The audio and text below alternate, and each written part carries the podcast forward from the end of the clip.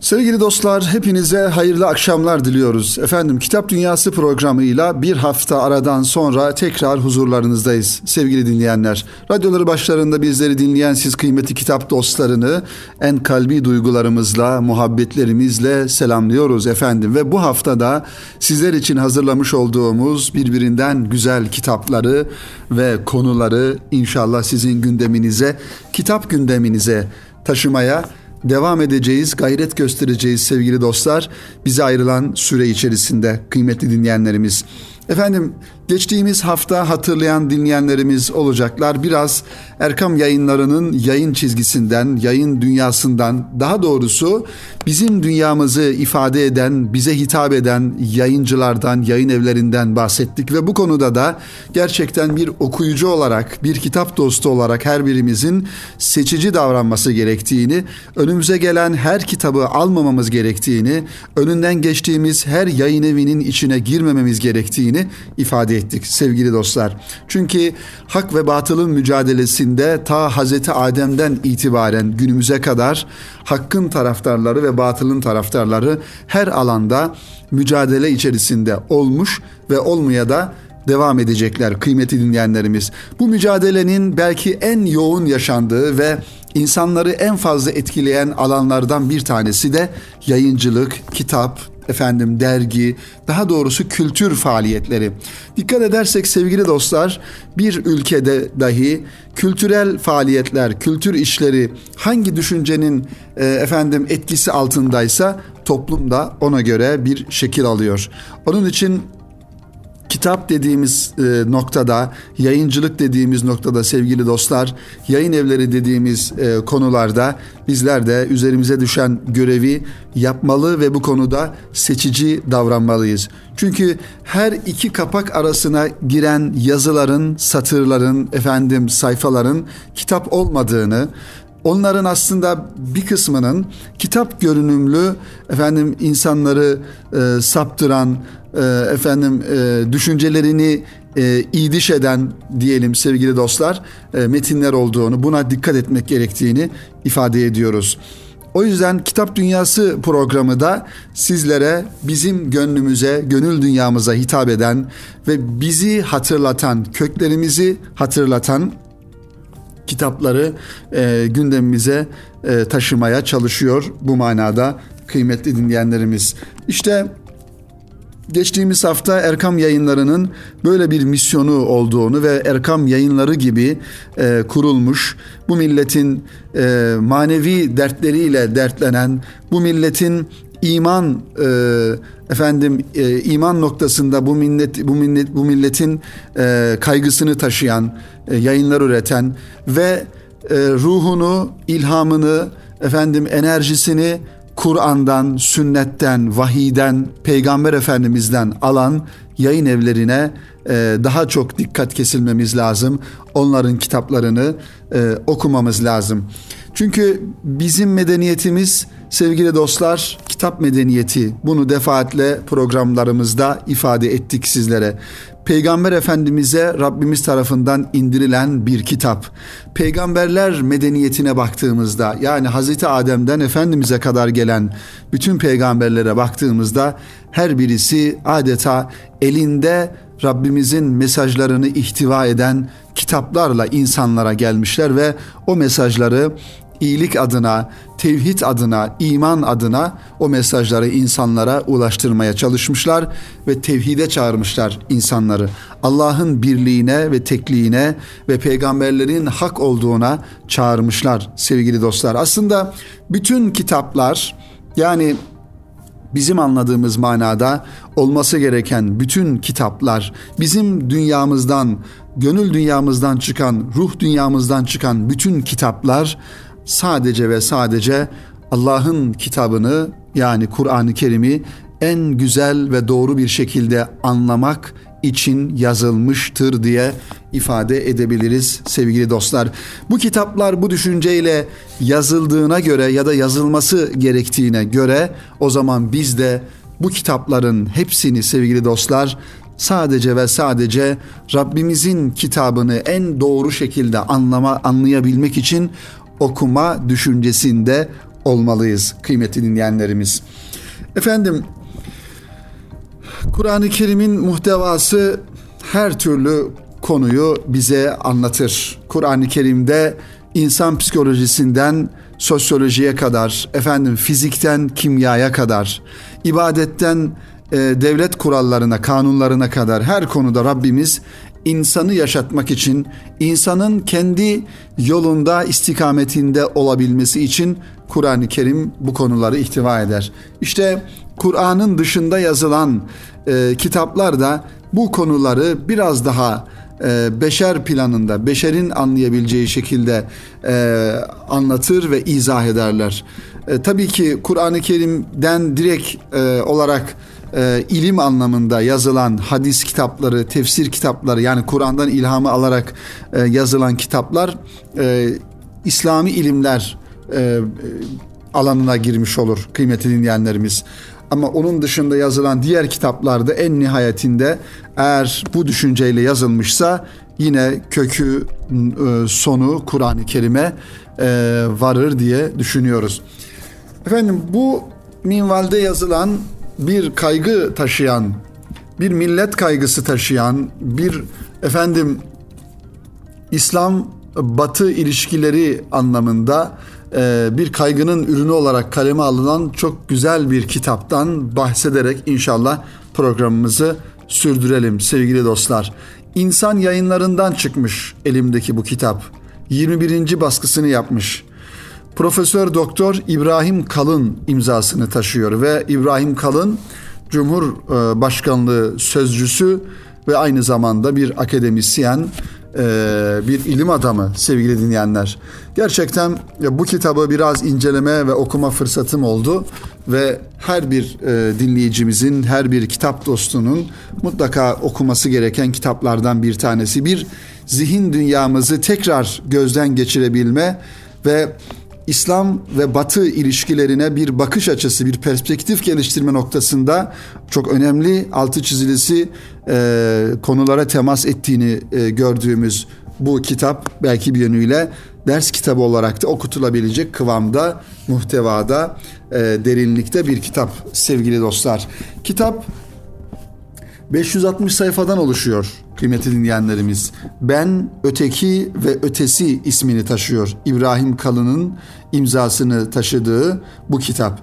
İslam Batı ilişkileri tarihine giriş alt başlığıyla sunulmuş ve insan yayınlarının çok güzel bir e, tasarımıyla, tertibiyle okuyucuya arz edilmiş sevgili dostlar e, bu kitap. Kitabın baktığımızda kıymetli dinleyenler hacimli bir kitap olduğunu ifade ettik. Dolayısıyla e, içindekiler e, bölümünden hareketle şöyle muhtevasına en azından belli başlıkları başlıklara temas ederek, başlıkları zikrederek kitabın içerisine muttali olmaya çalışalım, muhtevasını anlamaya e, çalışalım kıymetli dinleyenlerimiz. İslam ve Batı ana başlığı altında İbrahim Kalın kelimelerin büyüsü başlığını atmış ve e, Avrupa'nın yani Avrupa'nın hikayesi demiş. Avrupa nedir? Avrupa'yı kurtarmak, Avrupa ve varlık sorunu, Avrupa'nın Hristiyan kimliği, Batı medeniyetinin kökleri meselesi gibi konulara, İslam medeniyeti konusuna gelmiş arkasından, İslam'ın esnek kültür politikaları, evrensel tarih tasavvuru, modern kırılmalar, cehalet ve kibir iddiası. Evet, bu noktaya kadar dikkat edersek sevgili dinleyenler başlıklardan anladığımız kadarıyla İbrahim Kalın bizim önümüze bir Avrupa ve Batı e, profili ortaya koyuyor. Avrupa nedir diyor ve Avrupa'yı kurtarmak ne demektir? Avrupa'nın varlık sorunu nedir? Bu konulara dikkatimizi çekiyor. Yani okuyucuya adeta önce kendi medeniyetini e, tanımadan evvel mutlaka bir Batı medeniyetinin ne olduğunu anlaman gerekir diyor. Ve Batı medeniyetinin Avrupa medeniyetinin e, tanınmasının arkasından onların bize bakışını, onların e, durumunu, düşünce dünyasını anlamamız gerektiğini ifade ediyor ediyor sevgili dostlar. Ve modern kırılmalar e, başlığını görüyoruz burada. Batı ile İslam dünyası, Avrupa ile e, İslam dünyası arasında tarihsel olarak baktığımızda sevgili dinleyenler bir takım derin kırılmaların, yarılmaların olduğunu görüyoruz. Bu kırılmalardan sonra tabii ki herkesin kendi e, mahfili, kendi zaviyesi, kendi mevzisi sinde durduğunu ve oradan hareket ettiğini ve öyle olması gerektiğini de e, söylüyor yazarımız sevgili dinleyenler. İkinci başlıkta İslam, Hristiyanlık ve Bizans teolojik, siyasi ve kültürel meydan okuma başlığını görüyoruz. Teolojik meydan okuma, siyasi meydan okuma, kültürel tehdit algısı başlıkları da arkasından geliyor. Tabii başta ifade ettiğimiz gibi kıymetli dinleyenlerimiz bu kitap bize bir perspektif sunuyor. Bize bir bakış açısı kazandırıyor. Bir Müslüman olarak kimliğimizi hatırlatıyor. Durmamız gereken yeri, hangi noktada durmamız gerektiğini ve ayaklarımızın yere sağlam basması gerektiğini, düşünce anlamında, fikri anlamda ayaklarımızın yere sağlam basması gerektiğini, kendi kültürümüzü, kendi irfanımızı, e, kendi medeniyetini, medeniyetimizi en ince ayrıntısına kadar bilmemiz gerektiğini ve bunun haricinde de batı düşüncesine karşı da nasıl durmamız gerektiğini bir adeta bize burada öğretiyor. Bunun kodlarını veriyor sevgili dostlar. Onun için konuları çok derinlemesine çok geniş bir e, anlamda ele almış İbrahim Kalın. Haçlı seferleri uzun bir savaşın öğrettikleri başlığını atmış diğer bir bölümde. Haçlı seferlerinin başlangıcı, Kudüs'ün fethi, Selahaddin Eyyubi ve Arslan Yürekleri şart, Roland'ın şarkısı gibi Marco Polo Çin yollarında Haçlılar ve İslam imajı, e, Şövalyeler dönemi Müslümanların gözüyle Haçlılar diye bir Haçlı e, seferleri bölümünü bize e, anlatıyor sevgili dostlar. Ve bu bölümü anlatırken de Müslümanların Haçlılarla daha doğrusu Haçlıların İslam dünyasıyla olan irtibatlarını ve bu mücadeleyi sembolize eden e, hadiseleri, Selahaddin Eyyubi'yi, Kudüs'ün fethini e, gibi e, konuları da bize sunuyor kıymetli dinleyenlerimiz. Evet tabii ki Batı ve İslam dünyası arasındaki ilişkilerde en önemli konulardan bir tanesi de şüphesiz ki Endülüs'tür sevgili dostlar. Geçtiğimiz hafta İhsan Süreyya Sırma Hoca'nın Ah Endülüs isimli kitabını sizlere takdim ettik. Dinleyen e, dostlarımız, kitap dostları hatırlayacaklar. Onun için Endülüs denildiğinde her birimizin şöyle yüreğinin içerisinde bir titreme, kalbimizde bir kanama, göz, gözlerimizde bir yaşarma, yüzümüzde bir buruk tebessüm ya da biz burukluk hissetmemiz lazım. Endülüs bizim için sevgili dostlar İslam ve Batı dünyası ilişkisi noktasında en fazla kırılmanın yaşandığı, en fazla en derin hüzünlerin yaşandığı bir konudur, bir alandır. Onun için yazarımız da bu konuyu efendim atlamadan Endülüs başlığı atmış burada. Evet, Kurtuba, Endülüs, İslam müziği ve Avrupa, Endülüs Osmanlı ilişkileri gibi bitmeyen bir trajedi, bugün Endülüs tasavvuru gibi konuları burada hususi olarak incelemiş, e, ele almış sevgili dostlar. E, bir diğer taraftan tabii ki e, Türklerin Avrupa'ya efendim yayılma dönemleri olduğunu görüyoruz ve her zaman olduğu gibi öyle bir emellerinin de olduğu olması gerektiğini de ifade ediyoruz. O yüzden Avrupa ve Türkler başlığını görüyoruz bu kitabın sayfalarında sevgili dostlar. Hacı Bayram Veli ve ikinci Manuel e, efendim Fatih ve Drakula yani baktığımızda Osmanlı padişahlarının e, Avrupa'ya yapmış oldukları seferler ve bu e, emellerini, bu isteklerini, bu fetih hareketlerini de burada e, konu konu e, görmüş oluyoruz e, sevgili e, dinleyenler. Osmanlı padişahlarının Avrupa'yı da bir manada o yıllarda nasıl aslında dizayn ettiklerini, nasıl bir yönüyle dize getirdiklerini de buradaki örneklerden anlıyoruz sevgili dinleyenlerimiz. Evet, yeni bir dünyanın eşiğinde Avrupa sömürgeciliği, seyyahlar ve oryantalizm.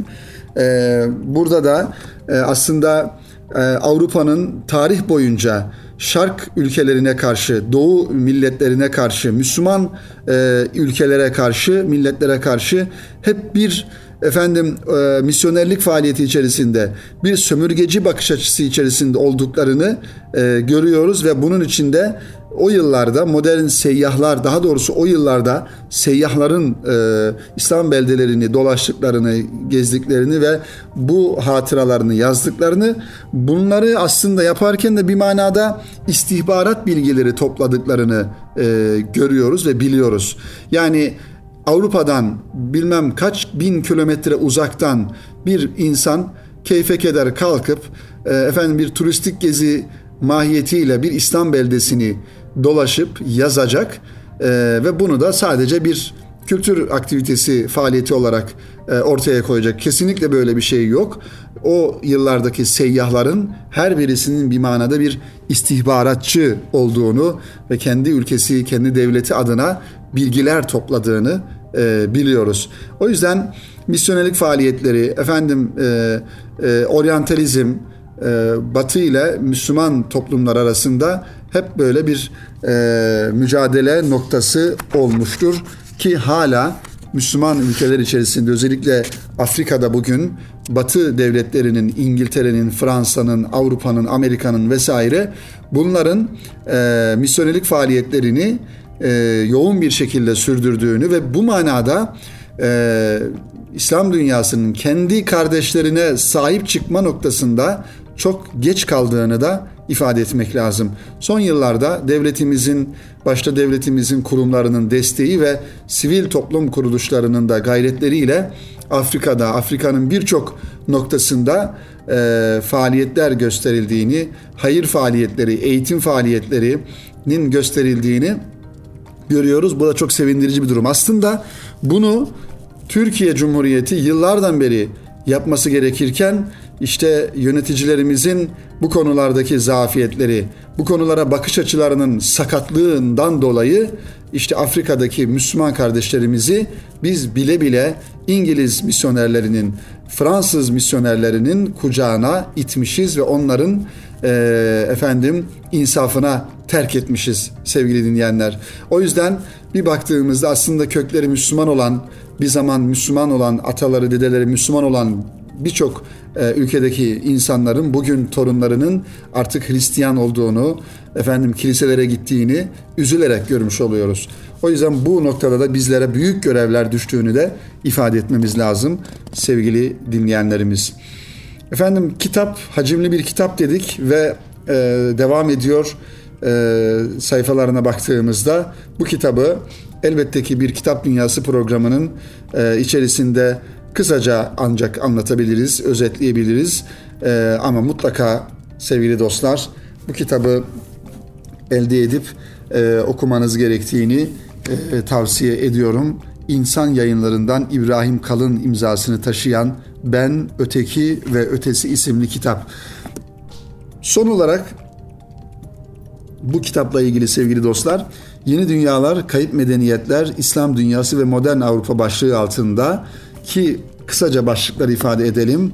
Avrupa'da bir Osmanlı Sultanı, çağdaş Türk düşüncesi, medeniyet ve batı sorunsalı, Nurettin Topçu'dan Cemil Meriç'e kültür ve medeniyet tasavvuru, Peyami Safa'nın tarih inşası gibi bizim e, dünyamızı anlatan, bizim kültür hafızamızı oluşturan da bizim kültür hafızamıza önemli katkılar sağlamış olan e, yazarlarla, insanlarla ilgili de bölümleri e, görüyoruz sevgili dostlar. Sonuç yerine ise Endülüs Müslümanların, e, Endülüslü Müslümanların Sultan Bayezid'e gönderdiği mektup. Evet bu çok önemli bir mektuptur sevgili dinleyenler.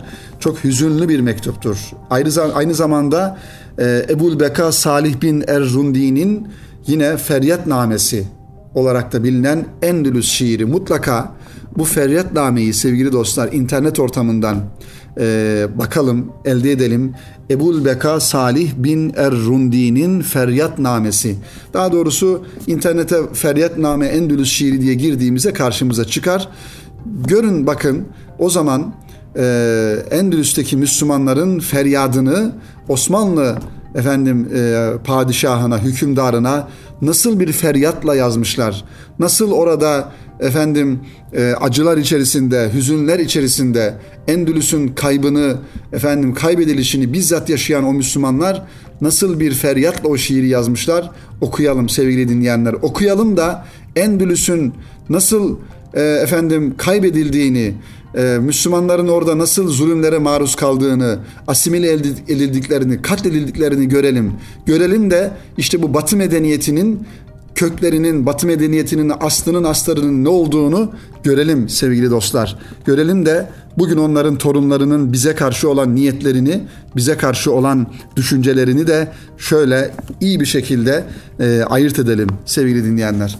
Evet, kıymetli dostlar, İbrahim Kalın'ın Ben Öteki ve Ötesi isimli kitabıyla ilgili e, acizane söyleyeceklerimiz bunlar. Aslında çok daha söyleyeceğimiz e, şeyler vardı. Sadece son olarak e, Mahmut Erol Kılıç, e, Kılıç Hoca'nın bu kitapla alakalı bir e, kaç cümlesi var.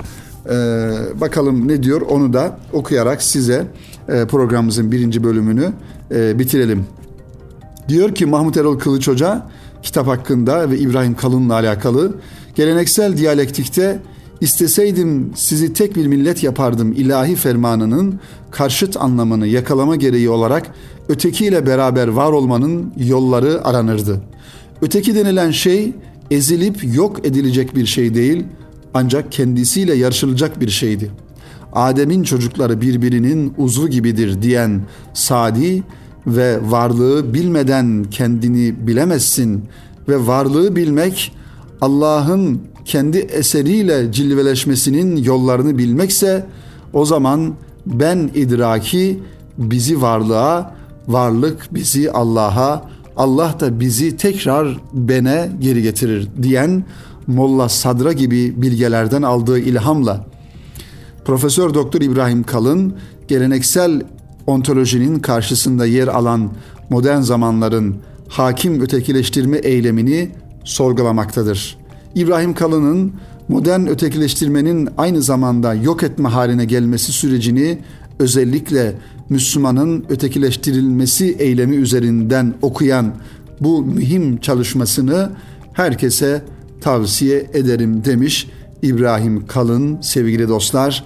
Bu kitabı bize anlatırken yazarımız da bu bu ifadeleri kitabının arka kapağına koymuş sevgili dostlar. Efendim Programımızın birinci bölümünü biraz açtık zamanımızı. Kısa bir ara verelim ve aranın ardından kaldığımız yerden kaldığımız süre içerisinde devam edelim inşallah. Şimdi kısa bir ara.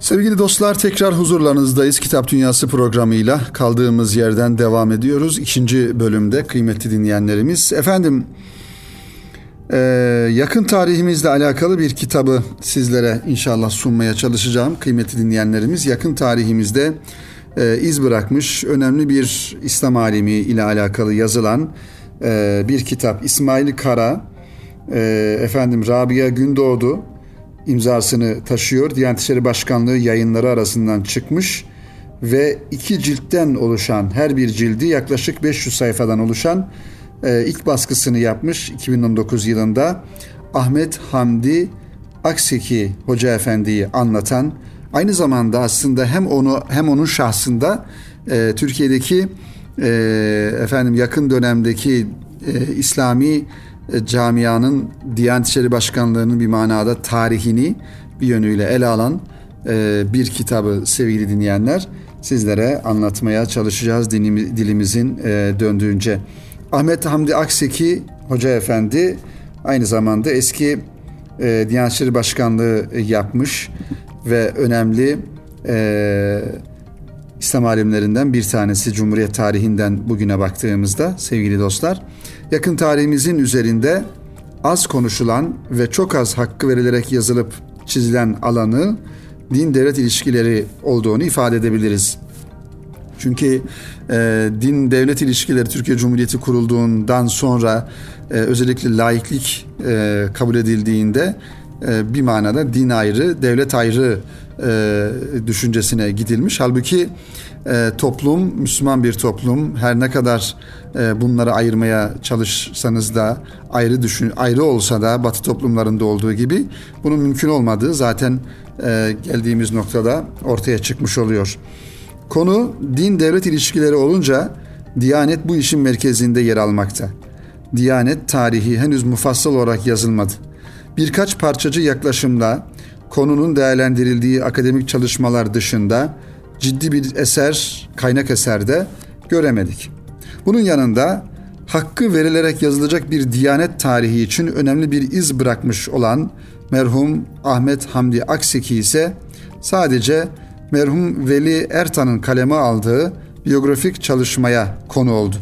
Hem Diyanet'in tarihine katkı sağlayacak hem de Osmanlı'dan Cumhuriyete intikal eden önemli bir ulema portresini bize yakından tanıtacak Ahmet Hamdi Akseki hakkında monografi çalışması Diyanet İşleri yayınları arasından az önce de ifade ettiğimiz gibi iki cilt halinde çıktı.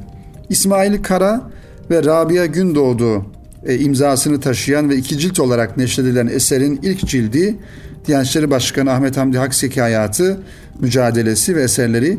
İkinci cildi ise açıklamalı bibliografya ve albüm e, başlıklarını, muhtevasını taşıyor. Akseki sevgili dostlar niçin üzerinde çalışılmayı hak ediyor diye bir soru sorduğumuzda e, bunun birden fazla sebebi olduğunu ifade edebiliriz. Pek çok bakımdan istisnai özellikler taşıdığını İsmail Kara eserin girişinde özetle ifade ediyor. Kitabın yazarı Rabia Gündoğdu'nun da hocası İsmail Kara'dan nakille ifade ettiği gibi Akseki'yi yazmak ve anlamak demek Akseki'nin içinde yaş yetiştiği medrese dünyasını ve fikren mensup olduğu İslam İslami çevreyi meşrutiyet etrafında teşekkür eden dini yorumları, Cumhuriyeti kuran kadronun kademeli olarak benimsediği din anlayışını ve nihayetinde Diyanet İşleri Başkanlığı'nı tanımak ve anlamak konusunda önemli bir mesafe almak demekti e, diyor kitabın e, hazırlayanları, yazarları. Akseki dönemin pek çok düşünce ve fikir adamı gibi rejimin takibine uğramış ve bedel ödemiş bir isim. Akseki İstiklal Mahkemelerinde başlığıyla nakledilen bölümde Akseki 1925 yılı bir Mayıs akşamında evinden alınmış 40 gün Ankara hapishanesinde süren bir hapis hayatı yaşamıştır. İdam talebiyle yargılanmaktadır. İddialar ise eski mesai arkadaşlarından Teali İslam Cemiyeti'ne mensup Ahmet Şirani'ye yeni atandığı müdürlük vazifesi dolayısıyla çektiği telgraftır. İkinci husus ise Tarikat-ı Salahiye Cemiyeti'ne üye olup faaliyetlerine katıldığı iddiasıdır.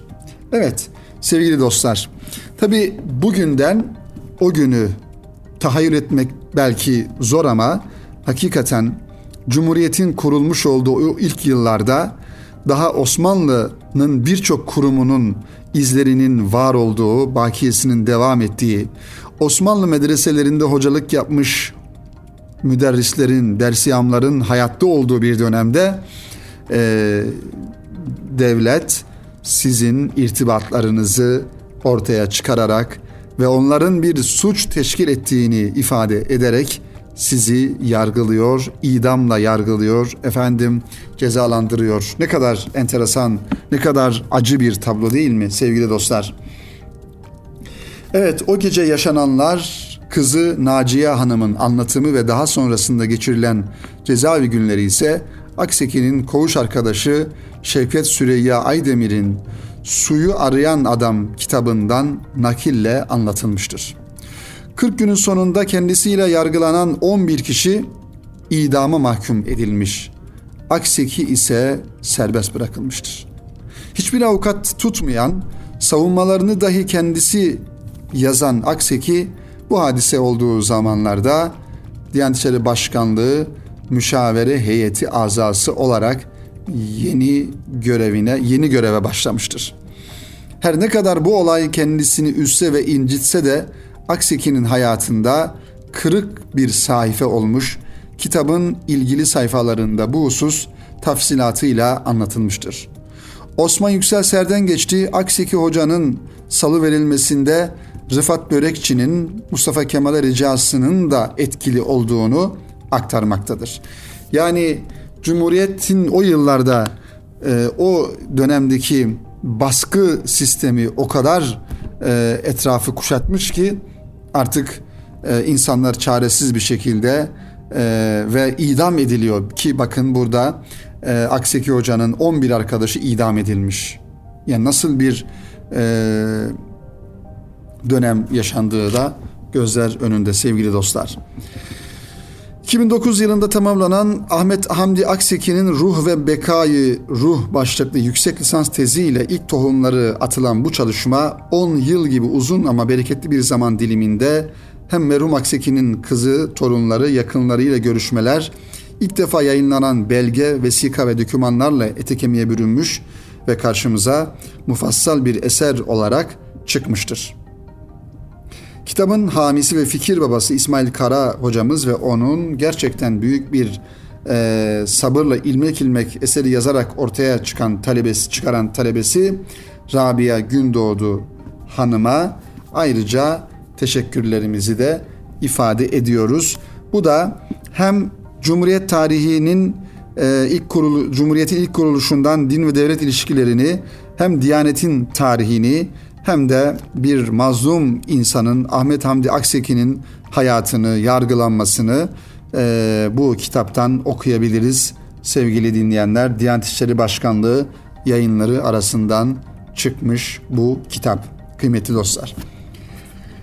Efendim bu haftalık bizden bu kadar. İnşallah sürçülisan ettiysek affola diyoruz ve önümüzdeki hafta tekrar yeni kitaplarımız, yeni konularımızla huzurlarınızda olmayı Rabbimizden ümit ediyoruz. Önümüzdeki haftaya dek görüşünceye kadar hepinizi Rabbimize emanet ediyor. Hoşça kalın, kitapla kalın diyoruz efendim.